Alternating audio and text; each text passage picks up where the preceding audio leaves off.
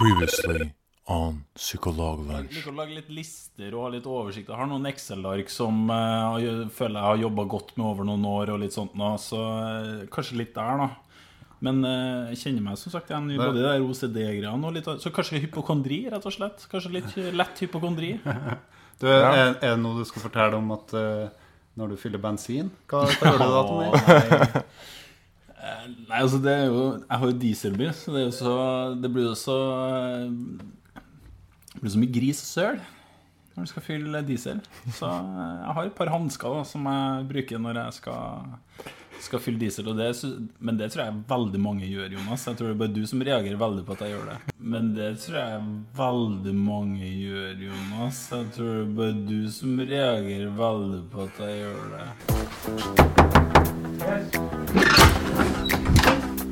Hei, Tore. Da bruker du hansker når du fyller diesel. Faen, jeg skal bruke hansker når jeg fyller diesel. Hei. Du, eh, bruker du hansker når du fyller diesel? Nei, vanlig. Nei, det er ikke vanlig. Nei, det er ikke vanlig. Nei, det er ikke vanlig. Nei, det er ikke vanlig. Nei, det har jeg aldri gjort. Nei, det er ikke vanlig. Nei, det har jeg aldri gjort. Nei, det hadde jeg tenkt på en gang. Faen, jeg skal bruke hansker når jeg fyller diesel. Ja, hvem faen er det som bruker hansker når de fyller diesel?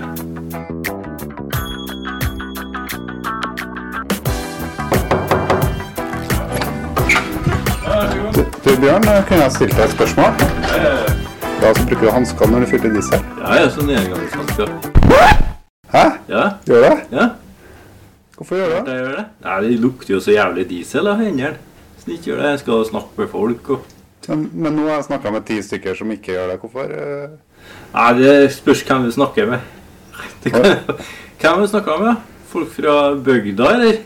Byfolk gjør ikke sånn, vet du. Byfolk gjør ikke sånn, byfolk gjør ikke sånn, vet du. Byfolk gjør ikke sånn, byfolk gjør ikke sånn. Byfolk gjør ikke sånn, byfolk gjør ikke sånn, vet du. Byfolk gjør ikke sånn, Nei, det er ikke vanlig. Nei, det er ikke vanlig. Nei, det har jeg aldri gjort. Nei, det er ikke vanlig. Nei, det er ikke vanlig. hadde jeg tenkt på en gang. Faen, jeg skal bruke hansker når jeg fyller diesel.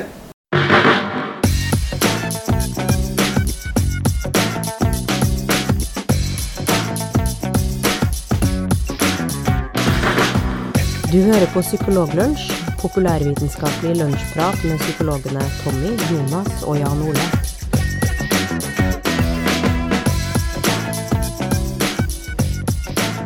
Ja, da er vi tilbake med en ny episode av Psykologlunsj. Det er så sinnssykt, det. Det er så sinnssykt. Ja, det er det, altså. Hva, hva syns vi om forrige episode? Uh, forrige episode Ja. uh, Terningkast mer enn jeg ga sist, som var terningkast én for eh, episode to. Ja, det var veldig det, det er bra det går rett veien, Jan Ole. Ja. Så det er fint. Jeg tror det er en god firer, faktisk. Ja. ja. Jeg tror det. Men siden vi spiller inn det her på relativt samme tid som eh, den første, så har vi jo ikke fått hørt oss ordentlig ennå. Så kan det hende at, eh, at, eh, at det blir en god sekser. Det kan være. Det kan være.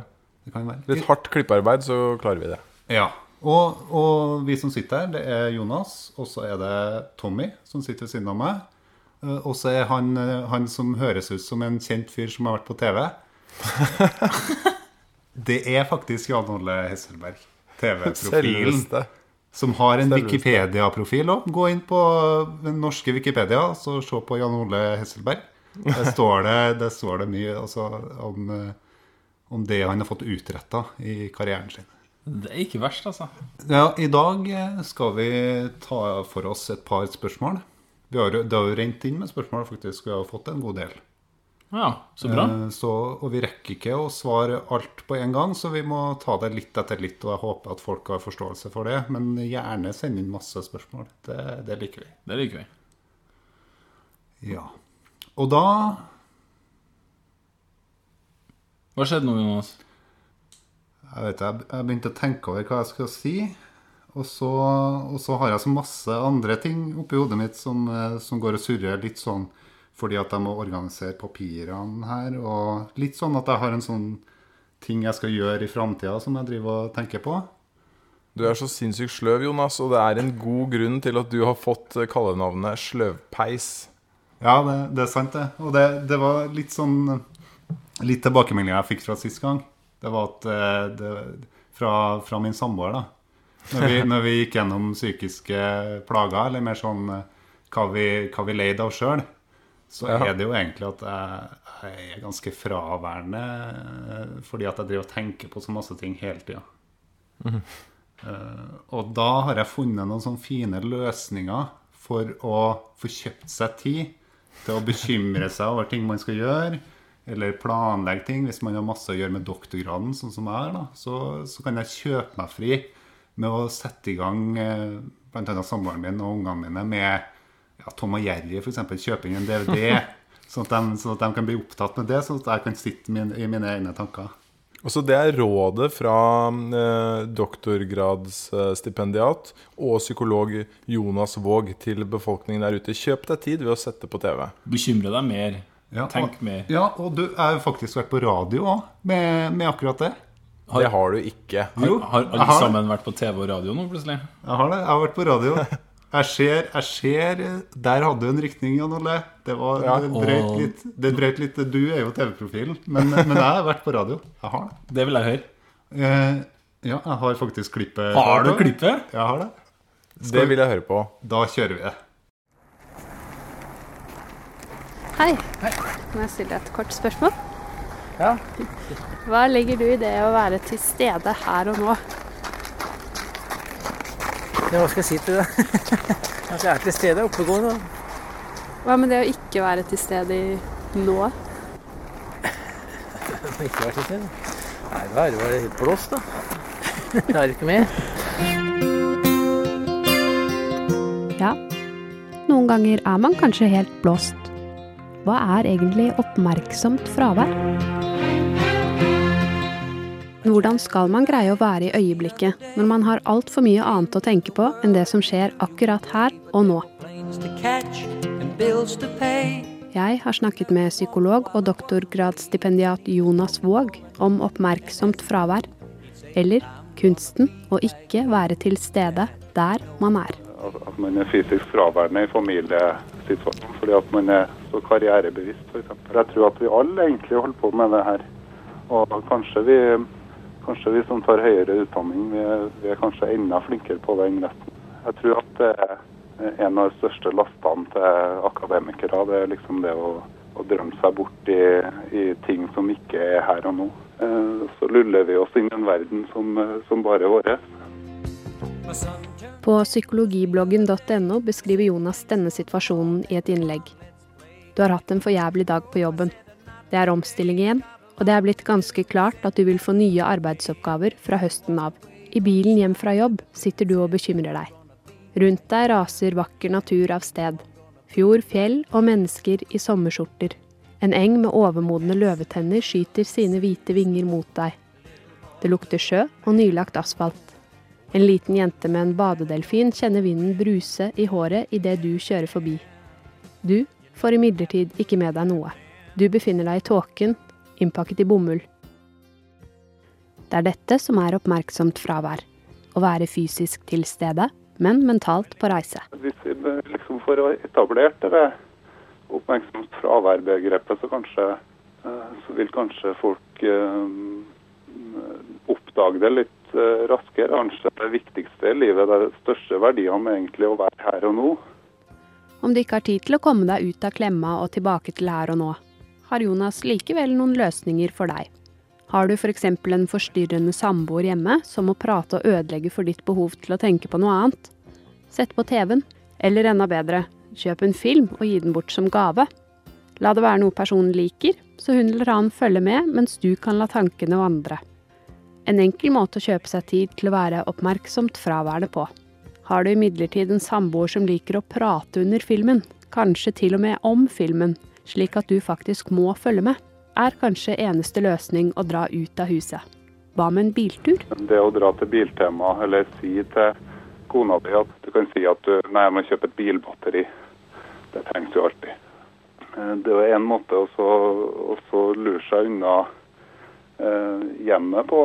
Det siste tipset til Jonas er imidlertid noe vi studenter alt har gjort. Ta deg en utdannelse. Da har du flere år hvor du kan bruke trumfkortet over alle trumfkort. Jeg må lese. Tid, som selvfølgelig også kan brukes til tankeflukt. Og dess lengre utdannelse, dess viktigere jobb. Finn en jobb og en utdannelse som gjør det vanskeligst mulig å være til stede for de rundt deg, som de samtidig ikke har hjerte til å kreve at du legger ifra deg. Det er fantastisk morsomt, Jonas. Eh, Jeg likte spesielt godt at du foreslår å dra ut og kjøpe bilbatteri. Og det er noe jeg tviler på at du har gjort veldig, veldig mange ganger. Det er, det, det er liksom Du tar det som du har tilgjengelig. Det var akkurat da jeg, at batteriet var flatt på, på Toyotaen. Så da, da måtte jeg kjøpe meg bilbatteri den samme ettermiddagen. Og så er det jo sånn veldig maskulin eh, ting å gjøre, og vi er jo bare prototypen på sånne Adonis-figurer som eh, s- har eh, masse muskler og veldig mye hår på kroppen. Vi har det. Hørte du hvor dyp stemme jeg hadde i innslaget òg? Ja, det var det. Ja. Har jeg, kanskje, jeg har kanskje dyp stemme òg. Jeg, er- jeg, jeg er mandig, rett og slett. Du, har, du hadde Men det var utrolig morsomt i alle fall. Ja, og, det, og, og for å få lov til å spille her, så må vi si at eh, innslaget er fra Radio Nova, eh, som er studentradioen i Oslo. Og mm. det er laga av Ragnhild Hoem. Så har vi sagt det. Fett. Veldig bra, Ragnhild. Yes, men vi, eh, vi skulle da heller Ja, nei, jeg bare tenkte at Det var bare morsomt at du eh, Vi fikk det sånn tilfeldigvis når du liksom blanka ut litt i, i, mens vi tok opp her, og så hadde du tilfeldigvis det lydklippet liggende. Og alt det. det var- ble så glatt og fint. Det var Ja, veldig flott. Det er det. Radio, altså. Ja. Og det, det spilles jo inn live. Eh, vi, vi tar, når vi setter i gang opptaket, så kjører vi båndet helt. Det er ikke klippa i, det hele tatt. Vi rører ikke er, Vi bruker ikke Mixcraft, for å si det sånn, som er en programvare du kan klippe sånne ting med. Men eh, Jonas, jeg kan, jo, eh, jeg kan jo være ganske trygg på at dette her er jo ikke et fenomen som bare gjelder deg. Jeg vet at du får veldig mye tilbakemelding på det fra din bedre halvdel. eh, Men det gjør jeg også. Og Tommy, du har vel aldri hørt noen sånne kommentarer? har du det? Nei, nei, aldri. Jeg har ikke vært borti det, altså. Nei? Så, så det er fint at dere deler det, det problemet deres, så slipper jeg å tenke på En ting jeg lurer litt på, da, det som jeg har spekulert i, er jo Det er ikke noe tvil om at det liksom å, å forsvinne bort, og det å liksom at oppmerksomheten fanges av forskjellige ting som ikke handler om det som skjer akkurat foran det her og nå. Eh, For det første tror jeg det var et problem ved første ordentlige episode av podkasten vår. eh, At vi sitter og flikker med alle mulige rare ting. Og så har jeg en teori om at disse nye nettleserne som du får, eller de er ikke nye lenger, men de nettleserne med mange forskjellige faner, er bare sånn skapt for eh, oppmerksomt fravær. Du bare forsvinner inn i forskjellige nettlesere, og jeg tar meg veldig ofte i å liksom ikke helt vite hvorfor jeg klikka på akkurat den fanen som jeg hadde oppe. Mm, Nettopp. Du vil heller tilbake til gamle Netscape, eller hva det var? Jeg tror det. Ja. Mm. Jeg tror det er mye bedre. Ja, jeg vil tilbake til Word Perfect. Og bare for å dra en ekstra sånn nerde Ja. tilbake, til, til DOS, vil jeg.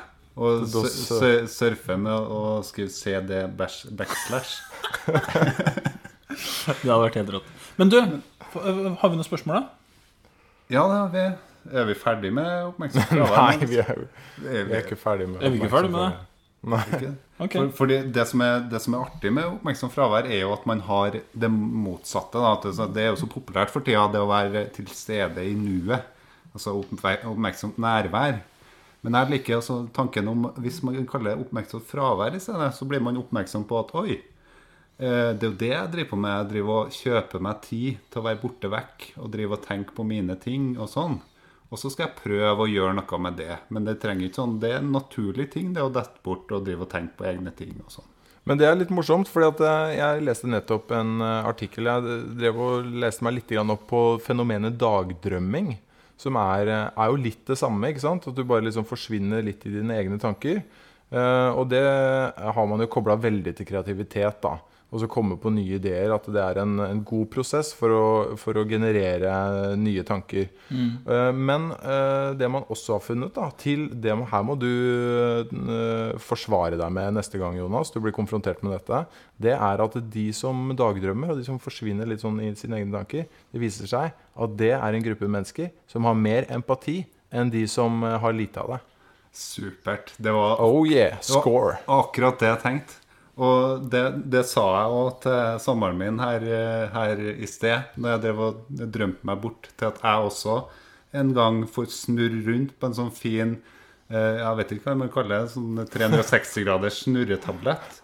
Mens det står liksom 'confirmation bias' og sånne Ja, ting. hvor- Som Folkeopplysningen-aktig. Hvor, hvor har jeg sett det? At folk står på sånne Aldri sett. Har du ikke det? Nei? Nei, det, og jeg bare, skal bare understreke det. Ja, OK, jeg har sett det. Eh, jeg bare skal understreke det var ikke min idé. Og jeg syns det er skikkelig skikkelig pinlig. Ja, ok, men da er det helt greit. Da skal vi ikke dvele noe mer med det. Da skal vi over til spørsmålsrunden, skal vi ikke det? Det har vært helt Vi kjører det. Ja, vi kjører et spørsmål fra Gøran. Hei, eh, Jan Ole, Tommy og eh, Jonas. Det her er Gjøran som legger igjen en beskjed. Du, jeg lurte på, kan ikke dere snakke litt om eh, priming? Eh, altså eh, f.eks. hvordan eh, det vi leser om i media, kan påvirke våre handlinger. Ok, Gjøran spør om eh, et fenomen som kalles priming, og han spør også om eh, hvordan det fenomenet påvirker det vi får med oss i media. Så det er egentlig to ting her. Eh, priming, er det noen som har lyst til å ta det? Ja, du, tror jeg. Ja, jeg har kanskje det. Jeg har lyst til å ta det. Det er jo et utrolig spennende fenomen.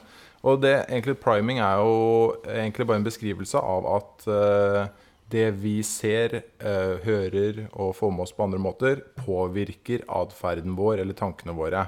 Sånne små, subtile ting eh, kan påvirke, påvirke oss. Jeg har lyst til å bare ta fram et sånn klassisk eh, studie på det. Og det ble gjennomført på 90-tallet av en som heter John Barge. Han lot to forskjellige grupper løse noen oppgaver hvor de ble vist forskjellige ord. Og ene gruppen ble vist ord som eh, handlet om uhøflighet. Andre gruppen eh, ble vist ord som handlet om høflighet. Det var sånne ord som eh, ja, frekk i den ene gruppen, og i den andre gruppen så var det eh, snill. Det er to ord som man forbinder med eh, uhøflighet og eh, høflighet. Og så sendte han de ut på gangen, hvor eh, han sa at nå må dere skynde dere. Dere må videre i denne studien, og dere må snakke med han forskeren som står ute i gangen der. Problemet var at han forskeren sto opptatt i en samtale. Og det denne eh, Barge ville finne ut av, var om det var forskjell på hvor fort de avbrøt den samtalen, de eh, personene som ble sendt ut. Og det var det. Det var faktisk sånn at eh, de som hadde jobbet med disse uhøflige ordene, de avbrøt eh, Var det over 60% som avbrøt før det hadde gått eh, ti minutter. Og i den andre gruppen så var det bare 17 Jøss. Yes. Så det er jo et eksempel på hvordan eh, noen små ord kan eh, påvirke atferden vår. Nettopp.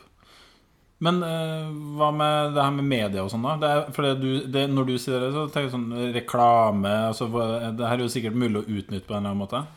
Ja, ikke sant? og det har jo vært den veldig veldig store debatten om er det sånn at uh, denne pri disse priming-eksperimentene viser at vi kan påvirkes eh, veldig sterkt av reklame. Og det vi må huske på der er at det, i til forskjell fra disse studiene, så er det veldig stor avstand fra du ser en reklame på TV til du står overfor det produktet senere. Så det er, du blir jo bombardert med forskjellige påvirkninger eh, i løpet av den tiden. Så det, det er ikke et én-til-én-forhold der, men at eh, reklame sørge for at vi har produkter mer tilgjengelig oppi hodet vårt, er jo ikke noe eh, tvil om. Kult. Kult. Det var Har du noen flere innspill på det, Jan Ole, eller? Ja, altså det med media, det er jo et litt sånn annet spørsmål, da. Eh, fordi det handler ikke så mye om priming, men om liksom hvordan informasjon lagres i hodet vårt. Og, eh, men eh, et eksempel på det, da, det er at eh, eh, det er jo så veldig mye. Priming handler jo bare om små liksom, påvirkningskrefter. Eh, Det vi ser, det, men det vi vet, er at media påvirker hvordan vi i alle fall vurderer risiko. Eh, Når du spør damer eh, når det er mest sannsynlig at de eh, kan få brystkreft, så svarer folk på en sånn måte som passer, matcher nesten perfekt hvordan media portretterer brystkreftsaker. Skjønte dere det? Ja. Ja. Sånn at eh, kvinner som blir spurt, sier at det er mest eh, størst sannsynlighet for at du får brystkreft i 40-50-åra. Fordi eh, det er de sakene du ser i media. Når du ser en dame, f.eks. Kylie Minogue, da, blir jo presentert som en brystkreftsak. Hun er i den aldersgruppen, og det er de vi oftest ser. Det er ingen tvil om, hvis man ser på tallene, at sannsynligheten er ganske lav for å få det i 40-50-årene, og kjempelav for å få det i 30-årene. Eh, og den er skyhøy for å få det i de eldre, eller de høye aldersgruppene. Sånn at det, er, det å få brystkreft, det skjer Altså 50% av sakene skjer etter fylte 70 år. Mm. Kult. Og det, og det portretterer ikke media. Sånn at det, det, media påvirker oss helt klart veldig. Ja, det er jo eh, det jeg hadde en mistanke om, ja. Ja, du, du skulle ha kjørt den bedreviterrollen? Mm. Ja. Ja. Ja, når, du- når du sier det, så eh, var det akkurat det jeg tenkte. Ja, det var, ja, takk for at du sa det, Jan Ole, men, eh, men vi vet egentlig det her, og vi kunne ha sagt det på mye bedre måte. Eh, Da skal vi over på eh, Nei, du, forresten. Jeg vet noe om en Gøran Gundersen, som han heter, Ja. han som sendte inn spørsmål. Oh, Han- please do tell. Eh, Det er litt sånn apropos til diskusjonen vi hadde om masterforeninger, eller eh, om masterutdanna folk i psykologi eh, kunne være medlem i Psykologforeninga. Det vi I episode to, tenker du? Ja, i episode to. Og Gøran er faktisk leder av den tidligere masterforeninga i psykologi, som nå endrer navn til Psykologiforbundet, faktisk. Oh. Og det skal være et, eh, en forening da, som, eh, som skal være åpen for medlemskap for alle psykolog- psykologiutdanningene. Mm. Ah. Så, så, Så- det, det, det får vi sikkert å høre mer om etter hvert. Så, så det skjedde rett etter at vi snakka om det forrige gang? Ja, det. Og da går plutselig den gode treeren jeg ga til program nummer to, den går opp på en, eh, en svak femmer. Oi, se der. Ja. Ja. Se En, der, ja. en din Min, min, Min ener, ener. Den, eh, den forvitrer bare. Det, og det eneste du ser ligger igjen av terningen, er side én. Oi, Ok. nettopp. Ja. bad. Ja, det, ja, ja. Sånn kan det gå.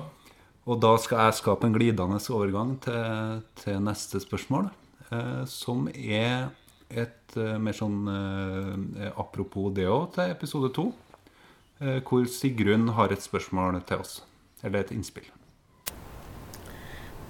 Hei, dette er eh, Sigrun Tømmerås. Jeg hørte på podkasten deres om eh, fordommer. Det er et eh, både viktig og spennende tema. Eh, Jeg kom til å tenke på et eh, innlegg jeg har lest på eh, Psychology Today, eh, som eh, problematiserer eh, denne eh, testen om eh, implisitte assosiasjoner. Eh, Det er skrevet av en eh, kognitiv psykolog som heter Scott Berry Kaufman. På hans blogg Beautiful Minds, dato 28. januar 2011. Han skriver at det like godt kan være og, holdninger til inn- og utgruppe som denne testen måler. Som altså rase eller eh, folk med annen hudfarge, som man skriver om. Fordi vi mennesker har eh, lettere for å knytte positive stimuli til eh, personer som hører til i vår egen gruppe, og tilsvarende negative stimuli lettere til en utgruppe, eller medlemmer av en utgruppe. Eh, og jeg tenker at eh, da må vel også løsningen for å redusere fordommer eh, bli litt andre. Hei. Ja, takk til innspillet fra Sigrun. Det var et interessant innspill, og artig at, at det er et apropos til ting vi har tatt opp. Og det ønsker vi at andre òg gjør. Og du Jan Ole, du har jo litt i hvert fall noen innspill på akkurat dette her. Jeg har det. Og det er jo Sigrun er jo inne på noe som er eh, veldig viktig, og det er helt riktig det hun sier. Altså vi har en preferanse, eller vi liker vår egen gruppe best. Det er det ingen tvil om. Og det er jo rettet mye kritikk mot uh, den IAT-testen, som uh, Eller Implicit Association Test, som alle bør ta. Den er veldig morsom å ta. Det er rettet mye kritikk mot den. Uh, Blant annet det hun nevner der. Det, det som på en måte er kjernen eh, i kritikken, er at, vi, eh, at det ikke er et resultat av fordommer. Den, den testen måler ikke fordommer, men den måler hvilken, mer hvilken gruppe du er en del av. Eh, og du vil alltid eh, like din gruppe best. Det som Eh, Det som eh, går imot det, det er noen resultater. Jeg skal prøve å forklare det nå. Det er sånn at eh, hvite mennesker i USA liker hvite veldig godt. Altså de har eh, På den testen så liker de hvite veldig godt. Og de har en svakere preferanse for eh, afroamerikanere. Så når du får valget mellom hvite og afroamerikanere, så liker hvite eh, hvite best. Det som taler imot eh, den kritikken, det er at eh, når du spør afroamerikanere, eller når afroamerikanere tar den testen, vet dere hva som skjer da? Nei. Nei. Det gjør vi ikke. Det, nei, altså det er at de i mye større grad eh, har en eh, preferanse for, eller liker afroamerikanere bedre, selvfølgelig. Mm. Men det er fortsatt sånn rundt 50% av de eh, afroamerikanerne som tar den testen, som ender med et resultat hvor de liker eller har en preferanse for hvite mennesker. Jøss. Hva, er, hva er liksom teorien bak det? Ja, veldig, Det er et eh, veldig godt spørsmål. Og det som, det som er te- teorien bak det Vi har, var jo allerede inne på medias eh, rolle her. Ikke sant? At eh, altså, vi lever jo Altså amerikanere i alle fall lever jo i samme samfunn, nemlig USA. Så det de får av informasjon, eh, er, kommer stort sett fra de samme kildene, fra de samme TV-kanalene, samme avisene. Og der portretteres afroamerikanere mer negativt enn hvite. Det er sånn som her i landet òg. Du får høre om det når det har skjedd eh, et overgrep et eller annet sted. At det var en person med utenlandsk opprinnelse, og man henger seg veldig opp i det. Sånn at eh, den informasjonen den får jo alle som bor i Norge og USA. Så, og det er det som skaper disse fordommene vi har. Mm. Sånn at vi utsettes for den samme informasjonen, og det er litt sånn bakgrunnen for hvorfor det er sånn at eh, At de har mange av de samme holdningene som det hvite har. Og det ser man også f.eks. på når man tar den testen på gamle og unge mennesker. Så ser man det at eh, unge mennesker har en eh, preferanse for, eller liker unge mennesker bedre enn eh, eldre mennesker. Men man ser det også hos de gamle, at de har en preferanse for unge mennesker. Så gamle har et reklameproblem? Ja, det er, er jo ikke noe tvil om at liksom, det å være ung og eh, eh, veltrent og godt utseende er jo noe som vi møter veldig veldig ofte som et Mm. ideal i vårt samfunn. Og det er jo i mine øyne et ganske sånn trist eh, ideal å bare fokusere på det. Men det er noe som lekker inn i hjernene våre gjennom eh, det vi utsettes for og eksponeres for. Ja, og Sist var vi også inne på det her med tynne og tykke mennesker. Og Der har vi jo det samme problemet med hvordan idealene eh, blir vinkla i media. Ja, helt klart. Det er, det, vi påvirkes veldig av det. Mm. Det var et uh, interessant spørsmål, og da fikk vi svart i hvert fall litt på det. Mm. Jeg vil, bare, jeg vil bare skyte inn her at jeg, jeg liker veldig veldig godt at uh, Sigrun, som er en eminent blogger og tvitrer eh, er det, Hun heter Sigrun Tømmerås. Hun, det bør søke opp henne. Hun har masse, masse god informasjon å komme med. Eh, det eh, jeg liker veldig godt med innspillet hennes, er at hun henger seg opp i noe som hun kanskje mener at vi ikke har helt rett i. Det liker jeg veldig godt. Så hvis vi sier noe dere ikke liker, kom gjerne med innspill. Mm. Um, eh, skal vi rett og slett eh, Nå har vi da fått enda et litt sånn eh, korrigert litt her i episode to. Skal vi bare kjøre på med en tredje runde med terningkast her? Hva, hva sier du nå, Jan Ole? Hvordan er det med terningkastet ditt nå? Nei, Terningkastet nå er en firer. Oi! Du gikk Oi, oi, oi. Veldig Jeg er på en eh, medioker femmer, tror jeg. Og det, det er på grunn Jeg var oppe på seks, men så tok du over programlederrollen, Ja, eh, Tommy. Når jeg egentlig hadde den. Så det er en medioker femmer. Ja, jeg straffer meg sjøl med å gi meg en eh, toer. En toer, faktisk. Ok, da, da takker vi for i kveld. Og det forresten det er lunsj. Vi takker for lunsjen. Nei, jeg får ikke sånn jovial avslutning, altså. Eh, Kan ikke du kjøre en avslutning, Jan Ole? Vær så god. Vi legger sammen eh, resten av matpakka. Vi kaster aldri mat her i Psykologlunsj. Vi pakker det ned til neste gang. Og så møtes vi igjen eh, ved neste Psykologlunsj, som er rett rundt hjørnet.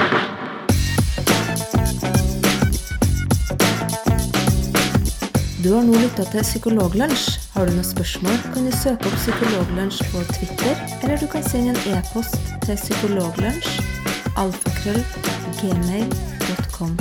Mer informasjon om temaet du har hørt i dag, finner du på psykologibloggen.no og tankesmed.no.